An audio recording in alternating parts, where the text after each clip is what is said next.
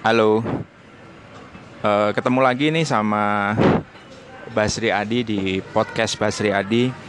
Kali ini uh, seperti juga podcast kita yang terakhir, uh, saya nggak akan ngomong sendiri, saya nggak akan sharing sendiri. Hari ini saya justru akan ngobrol bareng, nggak cuma istri nih. Kalau yang terakhir kemarin sama istri, sekarang juga sama anak-anak.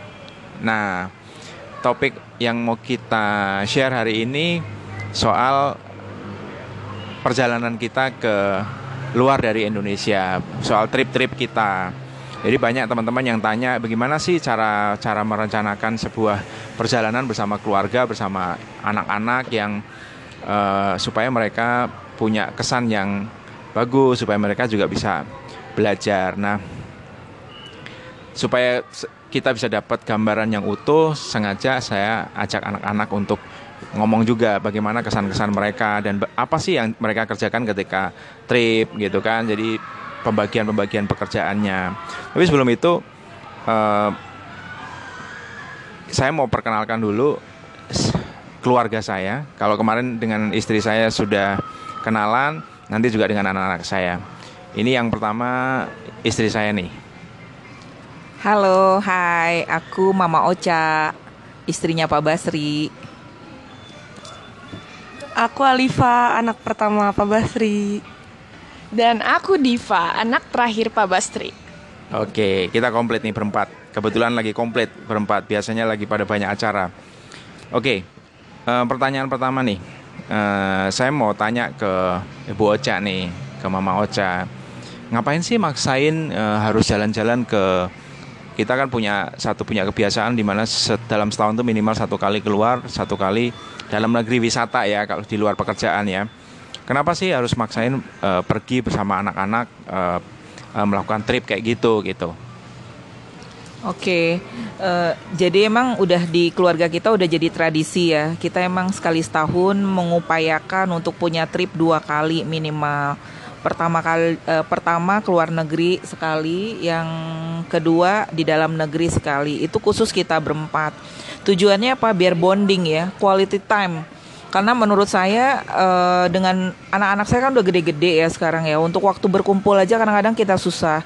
Yang pertama kuliah di Bandung di Jatinangor, yang kedua udah SMA kelas 3 aktivitas dia juga banyak dan padat gitu. Jadi di liburan yang benar-benar kita fokus berempat, kita benar-benar bisa bonding, bisa akrab uh, satu sama lain, makin akrab ya. Terus makin bisa ngajarin banyak pengalaman hidup buat anak-anak. Karena di luar negeri ada hal-hal yang kadang-kadang kita nggak bisa nggak nggak bisa lihat selama ini di dalam negeri, eh di luar negeri kita banyak lihat. Terus makin ngasih tahu ke anak-anak makin banyak bersyukur gitu loh. Ternyata bumi ini indah banget. Nah, terus mereka juga jadi mandiri, jadi terlatih juga nanti suatu saat kalau mereka traveling ke luar negeri sama teman-temannya atau traveling terpaksa sendiri mereka udah bisa gitu jadi nggak kagok lagi gitu menurut aku sih itu ya alasan kita kalau di dalam negeri ya karena kan Indonesia juga indah ya banyak ya daerah-daerah yang emang harus kita kunjungin selain di luar negeri. Gitu mas. Menarik ya. Jadi kadang-kadang memang benar sih eh, trip itu bukan sekedar cuma buat ngeliat-liat tapi juga kita belajar. Contoh kayak kita melihat bagaimana orang di luar itu untuk naik eskalator aja dia harus uh, berada di satu line ketika misalnya dia nggak buru-buru. Atau kalau dia buru-buru dia akan berlari di line yang sengaja disediakan oleh orang yang tidak buru-buru. Itu yang sesuatu yang kan kita jarang ya temuin di iya. di negara kita ya. Jadi memang betul. Jadi kita trip itu memang buat selain buat jalan-jalan lihat-lihat juga kita buat belajar. Oke. Okay. terus uh, kan trip setahun dua kali nih sekali ke luar negeri se minimal sekali juga di dalam negeri dalam satu tahun. Duitnya dari mana tuh? Oh, duitnya ya. Jadi ini udah kita anggap kayak pengeluaran bulanan teman-teman. Jadi ini udah kita kan punya konsep dalam dari 100% income kita ada 10% kita gunain buat save kita saving untuk uh, dana jalan-jalan ini gitu. 10 sampai 20% gitu. Sisanya udah ada alokasi masing-masing, kita punya investasi, kita punya tabungan, kita punya proteksi uh, uh, sama konsumsi hari-hari ya gitu. Tapi untuk alokasi jalan-jalan ini emang masuk dalam pos kita tiap bulan 10 sampai 20%. Jadi pada waktunya kita sudah punya budget uang yang kita tinggal ambil gitu.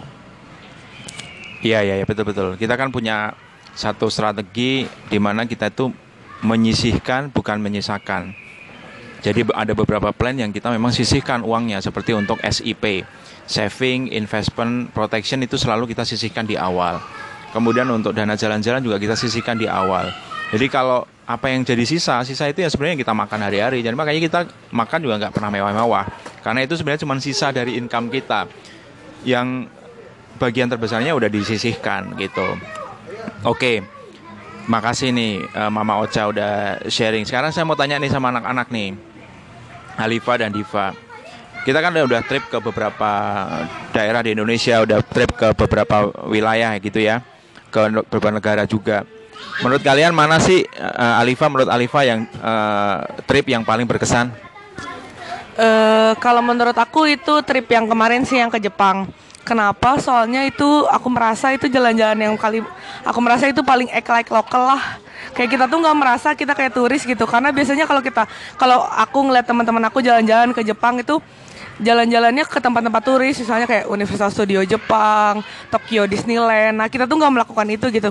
Kita memilih untuk datang-datang ke kuil-kuil, kita datang ke Tokyo National Museum, kita datang ke Osaka Aquarium yang itu tempat-tempat yang pas kita datang ke tempat itu itu jarang banget ada turis-turis Indonesia biasanya makanya itu salah satu yang berkesan terus juga uh, kita di sana nggak cuma jalan-jalan ke tempat-tempat lokal, kita juga hidup seperti lokal. Kita naik kereta, kita belanja di supermarketnya orang Jepang, kita setiap pagi sarapan onigiri seperti orang-orang Jepang yang uh, apa mereka pakai udah pakai jas mau kerja terus kita juga sama seperti mereka sarapan onigiri jadi itu sih salah satu yang paling berkesan soalnya kita aku nggak merasa kita seperti turis gitu jatuhnya kalau kemarin jalan-jalan ke Jepang itu. Oke, Jepang ya menarik ya. Memang kita kemarin ke Jepang seru banget ya. Jadi ke Jepang kita juga arrange sendiri. Uh, selama 10 hari kita keliling uh, ada 8 kota di Jepang ke mana-mana kita naik turun kereta ya. Jadi itu memang seru banget ya kita geret-geret koper gitu ya. Itu sesuatu yang memang kalau di Indonesia agak susah ya karena kalau geret-geret koper di Indonesia naik turun bus agak repot juga. Kalau di Jepang kita semua terintegrasi. Menarik menarik. Oke kalau Diva trip ke mana nih yang menurut Diva paling menarik dan kenapa itu menjadi berkesan buat Diva? Oke, sebenarnya kalau menurut aku ke semua luar negeri yang kita udah Oke, jadi menurut aku semua luar negeri yang kita udah pernah kunjungin tuh seru-seru semua, ada spesialnya masing-masing. Tapi kalau menurut aku yang paling berkesan itu Turki. Kenapa? Karena aku justru baru tahu gitu pada saat aku datang ke Turki bahwa kebab Turki yang ada di Turki itu sebenarnya nggak enak gitu.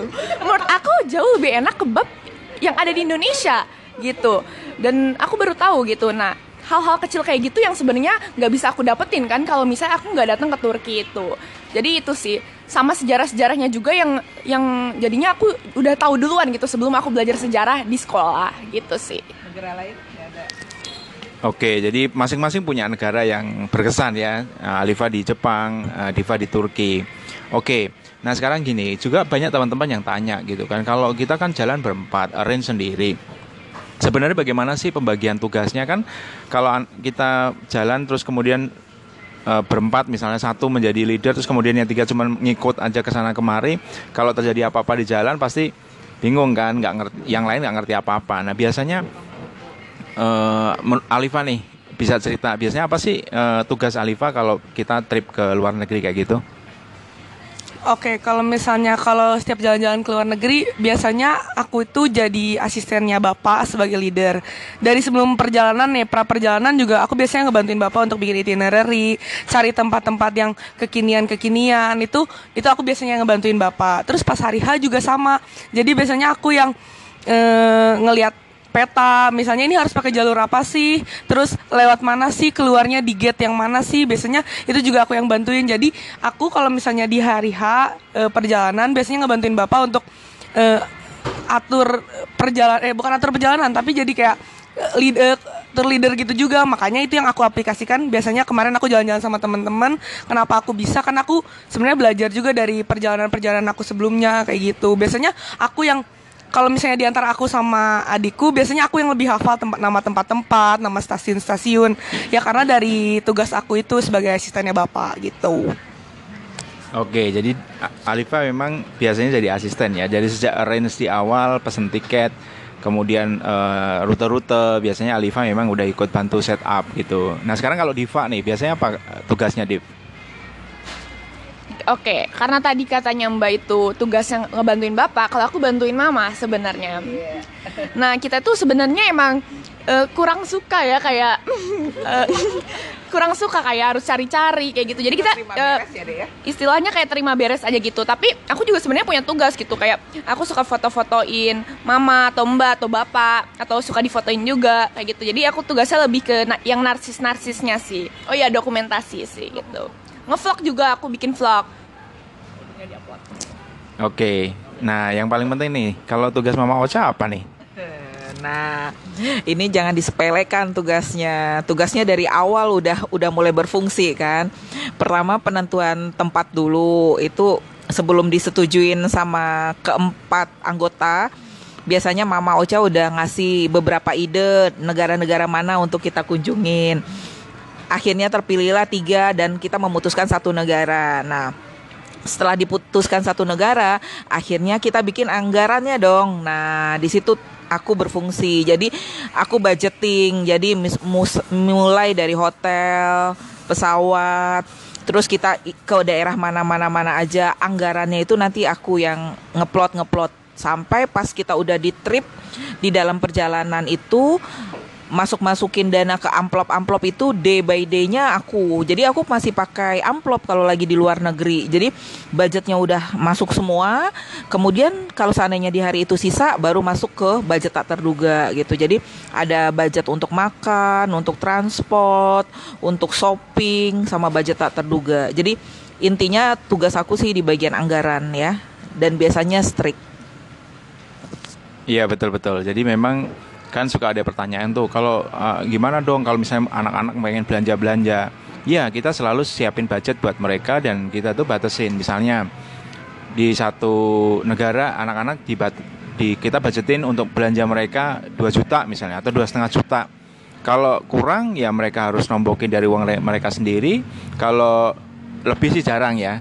Tapi kita biasanya based on itu jadi tidak bisa lebih dari itu gitu jadi kita tidak pernah over budget kalau dalam urusan belanja gitu. Nah, mungkin itu teman-teman ya yang kita bisa share soal apa namanya uh, tip dan triks perjalanan perjalanan kita ke beberapa negara. Nanti kita akan share lagi detail-detail mengenai di tiap-tiap negara yang kita kunjungin apa sih yang menarik, apa pengalaman yang menarik seperti pernah ketinggalan bus, seperti pernah salah naik bus, salah masuk salah masuk pintu bus gitu ya, salah stasiun itu banyak lah pengalaman itu yang nanti kita akan share di di podcast kita uh, berikutnya.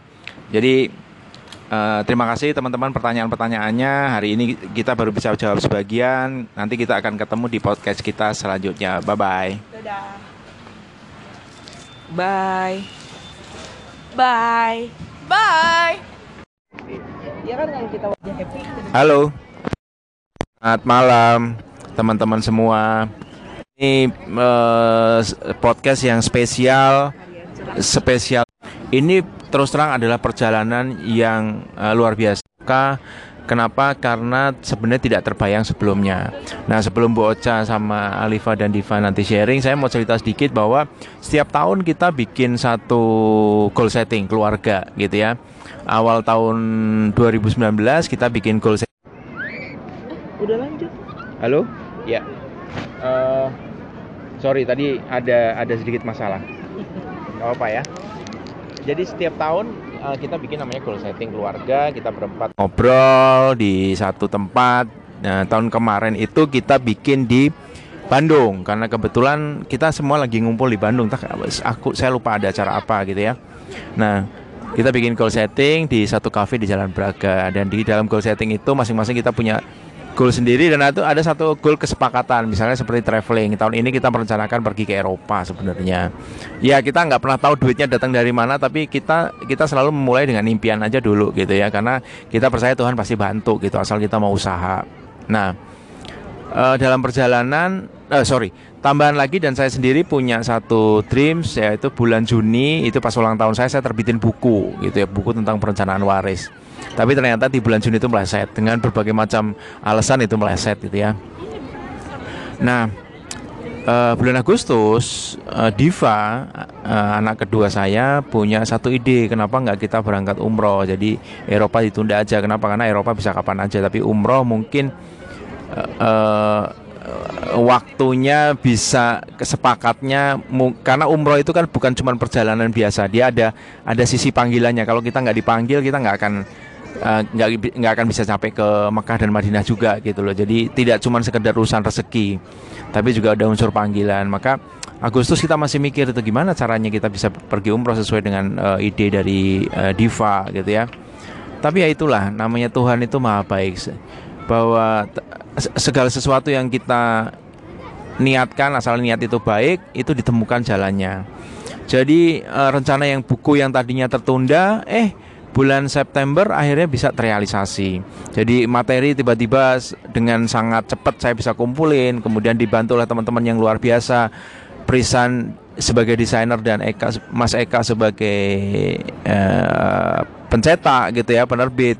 Cepet banget kerjanya sehingga tanggal 10 Oktober itu buku bisa terbit dan alhamdulillah itu yang membawa rezeki kami bisa sampai ke sini hari ini gitu dan itu luar biasa banget tidak pernah ada dalam dugaan kita, tidak pernah bisa ada dalam hitungan kita itu sepenuhnya hitungan dari langit. Nah itu sih sebenarnya yang uh, pengalaman me, uh, paling paling menarik buat saya gitu ya, paling paling menyentuh buat saya. Saya nggak tahu kalau Bu Ocha gimana? Apa yang kira-kira menarik dari perjalanan ini?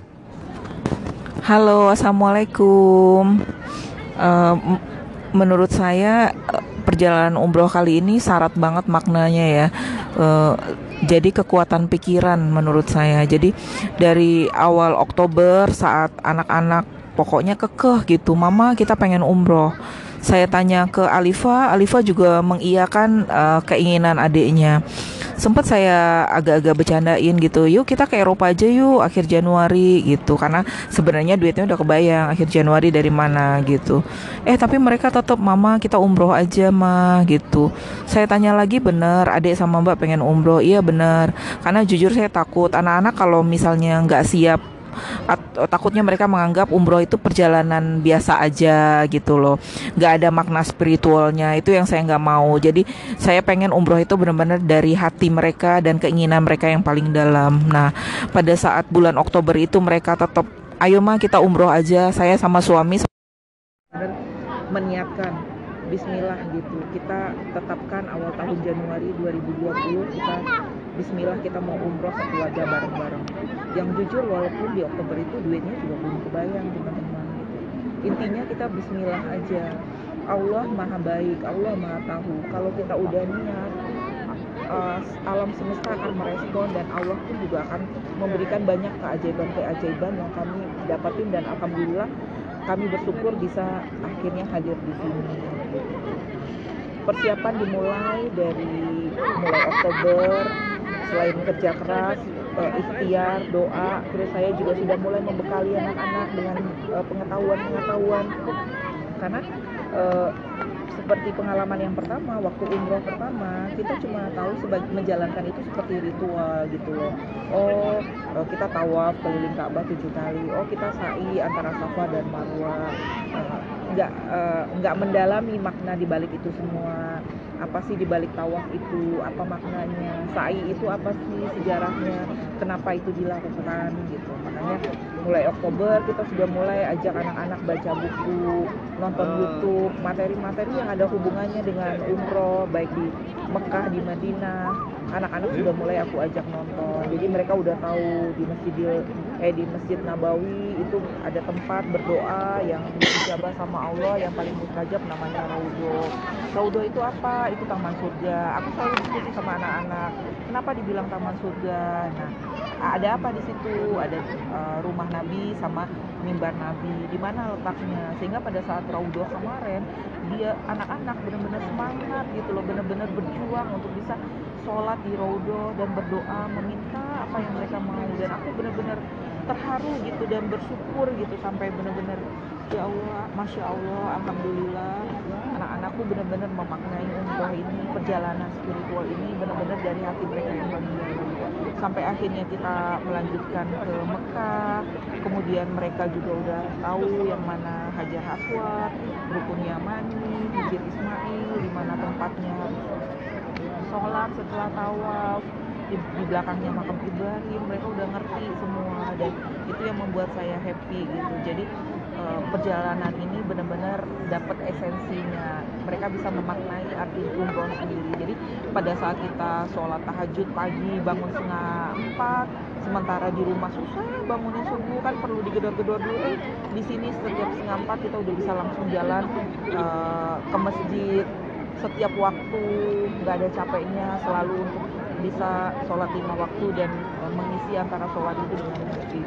Alhamdulillah banget, makanya aku bersyukur banget, uh, berterima kasih ya Allah mendapatkan kesempatan ini sehingga uh, sepulang umroh ini semakin meningkatkan ibadah kita kepada Allah Subhanahu Wa Taala. Itu aja mungkin pendapat aku ya masih ya. apa uh, apa yang aku rasain? Jadi happy gitu loh. Anak-anak benar-benar menjalankannya pun juga dengan happy gitu. Jadi nggak ada sungut nggak ada merasa terpaksa nggak alhamdulillah. Oke, makasih Bu Ocha. Jadi itu ya memang pengalaman rohaninya berbeda karena dulu waktu yang pertama kita umroh itu kita, kita ajak orang tua.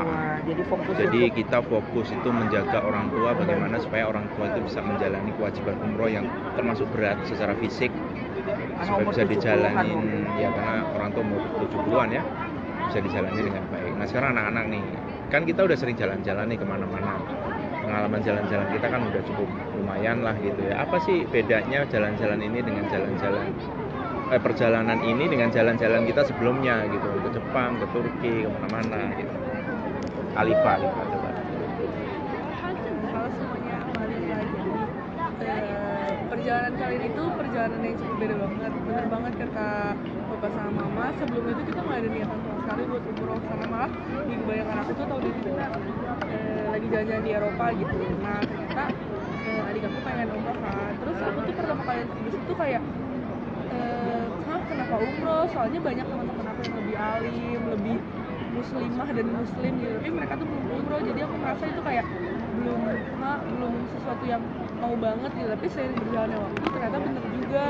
Eh, semakin cepat kita datang ke Mekah berarti kan itu artinya Allah manggil kita ke rumahnya semakin cepat jadi kayak bersyukur banget jalan-jalan kali ini tuh gak cuma jalan-jalan biasa tapi kan itu juga, juga ada ibadahnya. Dan ternyata aku juga banyak belajar dari jalan dari jalan-jalan ini. Dan jalan-jalan itu nggak cuma nggak biasa nggak hanya biasa karena jalan-jalan ini tuh ngajarin aku ternyata kalau Islam itu ternyata indah banget seindah itu. Jadi eh, aku tuh nggak cuma belajar tentang eh, Ka'bah gitu eh, dan lain-lain tapi aku tuh belajar juga tentang sejarah-sejarah Nabi yang sebelumnya aku cuma belajar di eh, waktu SD SMP SMA ternyata kan pas aku datang ke sini aku melihat juga tempat-tempatnya kayak gimana perjuangan-perjuangan Nabi kayak gimana.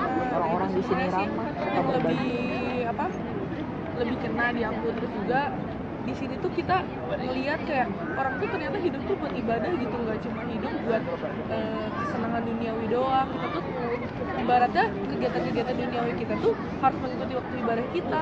Jadi misalnya di antara waktu sholat itu cuma sedikit ya udah berarti kita cuma maksimalin waktu kita buat melakukan kegiatan duniawi itu cuma sedikit doang. Karena kita tuh sebenarnya utamanya tuh hidup buat ibadah. Nah itu tuh sebenarnya nggak bisa aku dapat di negara-negara lain Indonesia gitu. Oke, Mbak Alifa. Jadi banyak ya pelajaran yang didapat ya yang selama ini mungkin di, di dalam buku nggak ada ya. Nah, kalau sekarang kalau Diva, apa nih dong eh, sesuatu yang Diva dapat yang berbeda dengan perjalanan-perjalanan Diva sebelumnya? Oke, halo, nama aku Dika. Sekarang aku pengen cerita pertama-tama dulu. Kenapa sih aku pengen banget masuk umroh? Karena aku percaya kalau misalnya tahun ini aku umroh, aku bisa berdoa tahun depan dan tahun-tahun berikutnya aku mau ke Eropa atau mau ke negara-negara lain kayak gitu. Dan insya Allah juga akan berhasil.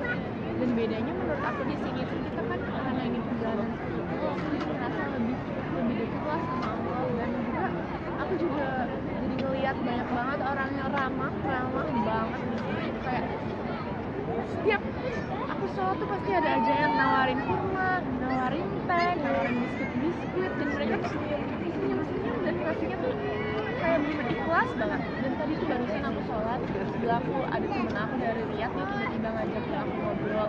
Dia ngajarin aku kalau bisa habis azan itu harus kayak gini habis ini doanya tuh kayak gini. Yang bikin aku sadar bahwa oh sebenarnya harus temen aku juga nanti kayak gini nih kalau misalnya aku tak lebih tahu sesuatu. Kayak gitu sih pak. Oke. Nah, eh Bu Ocha, mungkin boleh dong cerita bagaimana sih prosesnya Bu Ocha kok bisa ngaturin gitu duitnya dari yang terus terang kita nggak ada kebayang dari sejak dari sejak September kita masih belum ada bayangan itu duitnya dari mana ya. Mungkin kita ada duit tapi memang bukan prioritas ke sana karena biasanya kan kita memang pergi pada bulan Januari karena itu udah ada bonus dari AIA. Jadi setiap tanggal 10 set- setiap tanggal 10 AIA selalu kasih bonus untuk kita bonus tahunan yang itu biasanya kita pakai buat jalan-jalan. Nah, eh, cuma kali ini berbeda kan? Eh, ini kan eh, di luar di luar apa namanya? Di luar plan sebelumnya gitu. Nah, gimana sih cara Bu Ochen ngaturin kok tiba-tiba duitnya ada gitu datang dari langit mana nih gitu? Iya ya, kalau dipikir dengan pikiran ini, pikiran normal gitu. Saya juga takjub gitu, luar biasa ya. Allah itu emang sangat luar biasa gitu. Dia bukakan pintu rezeki kita dari eh, dari mana saja gitu. Bahkan dari hal-hal yang nggak kita duga sekalipun. Namanya saya sama Mas Basi kan punya usaha, kita punya bisnis eh, asuransi. Kita punya kewajiban kebetulan di bulan Oktober kita harus bayar UFO yang juga jatuh tempo gitu kan. Jadi banyaklah pengeluaran-pengeluaran yang harus kita eh, kita keluarkan gitu loh. Kita punya budget traveling tiap tahun, tiap bulan, tiap bulan. Tapi sebenarnya jatuh tempo budget traveling itu baru bisa kita ambil adalah di akhir Januari. Maksudnya karena emang kita punya plan di biasanya di akhir Januari. Nah, sementara anak-anak pengen umroh itu awal Januari gitu. Karena pada saat libur kan dan itu di musim dingin juga. Jadi enak loh teman-teman kalau umroh di awal Januari. Jadi Mekah atau Madinah rasa Eropa gitu. Dengan suhu 12 derajat sampai kira-kira 18 derajat. Jadi melakukan aktivitas pun dengan enjoy dan enak gitu. Nah akhirnya kalau kita mau umrah tanggal 1 Januari berarti kan saya udah harus eh, kontak travel umroh kan di Oktober kan? Last minute untung saya punya teman sahabat baik namanya Rinu dari MT Travel.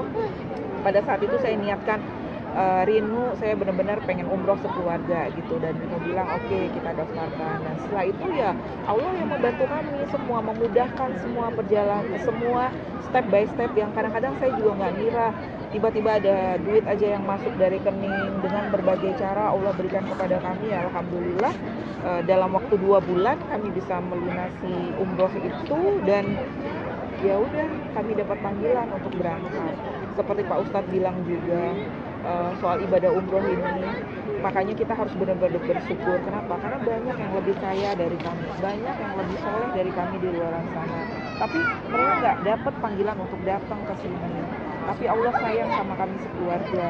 Kami juga budgetnya juga bukan berlebih gitu loh. Solehnya juga jauh masih perlu banyak perbaikan-perbaikan.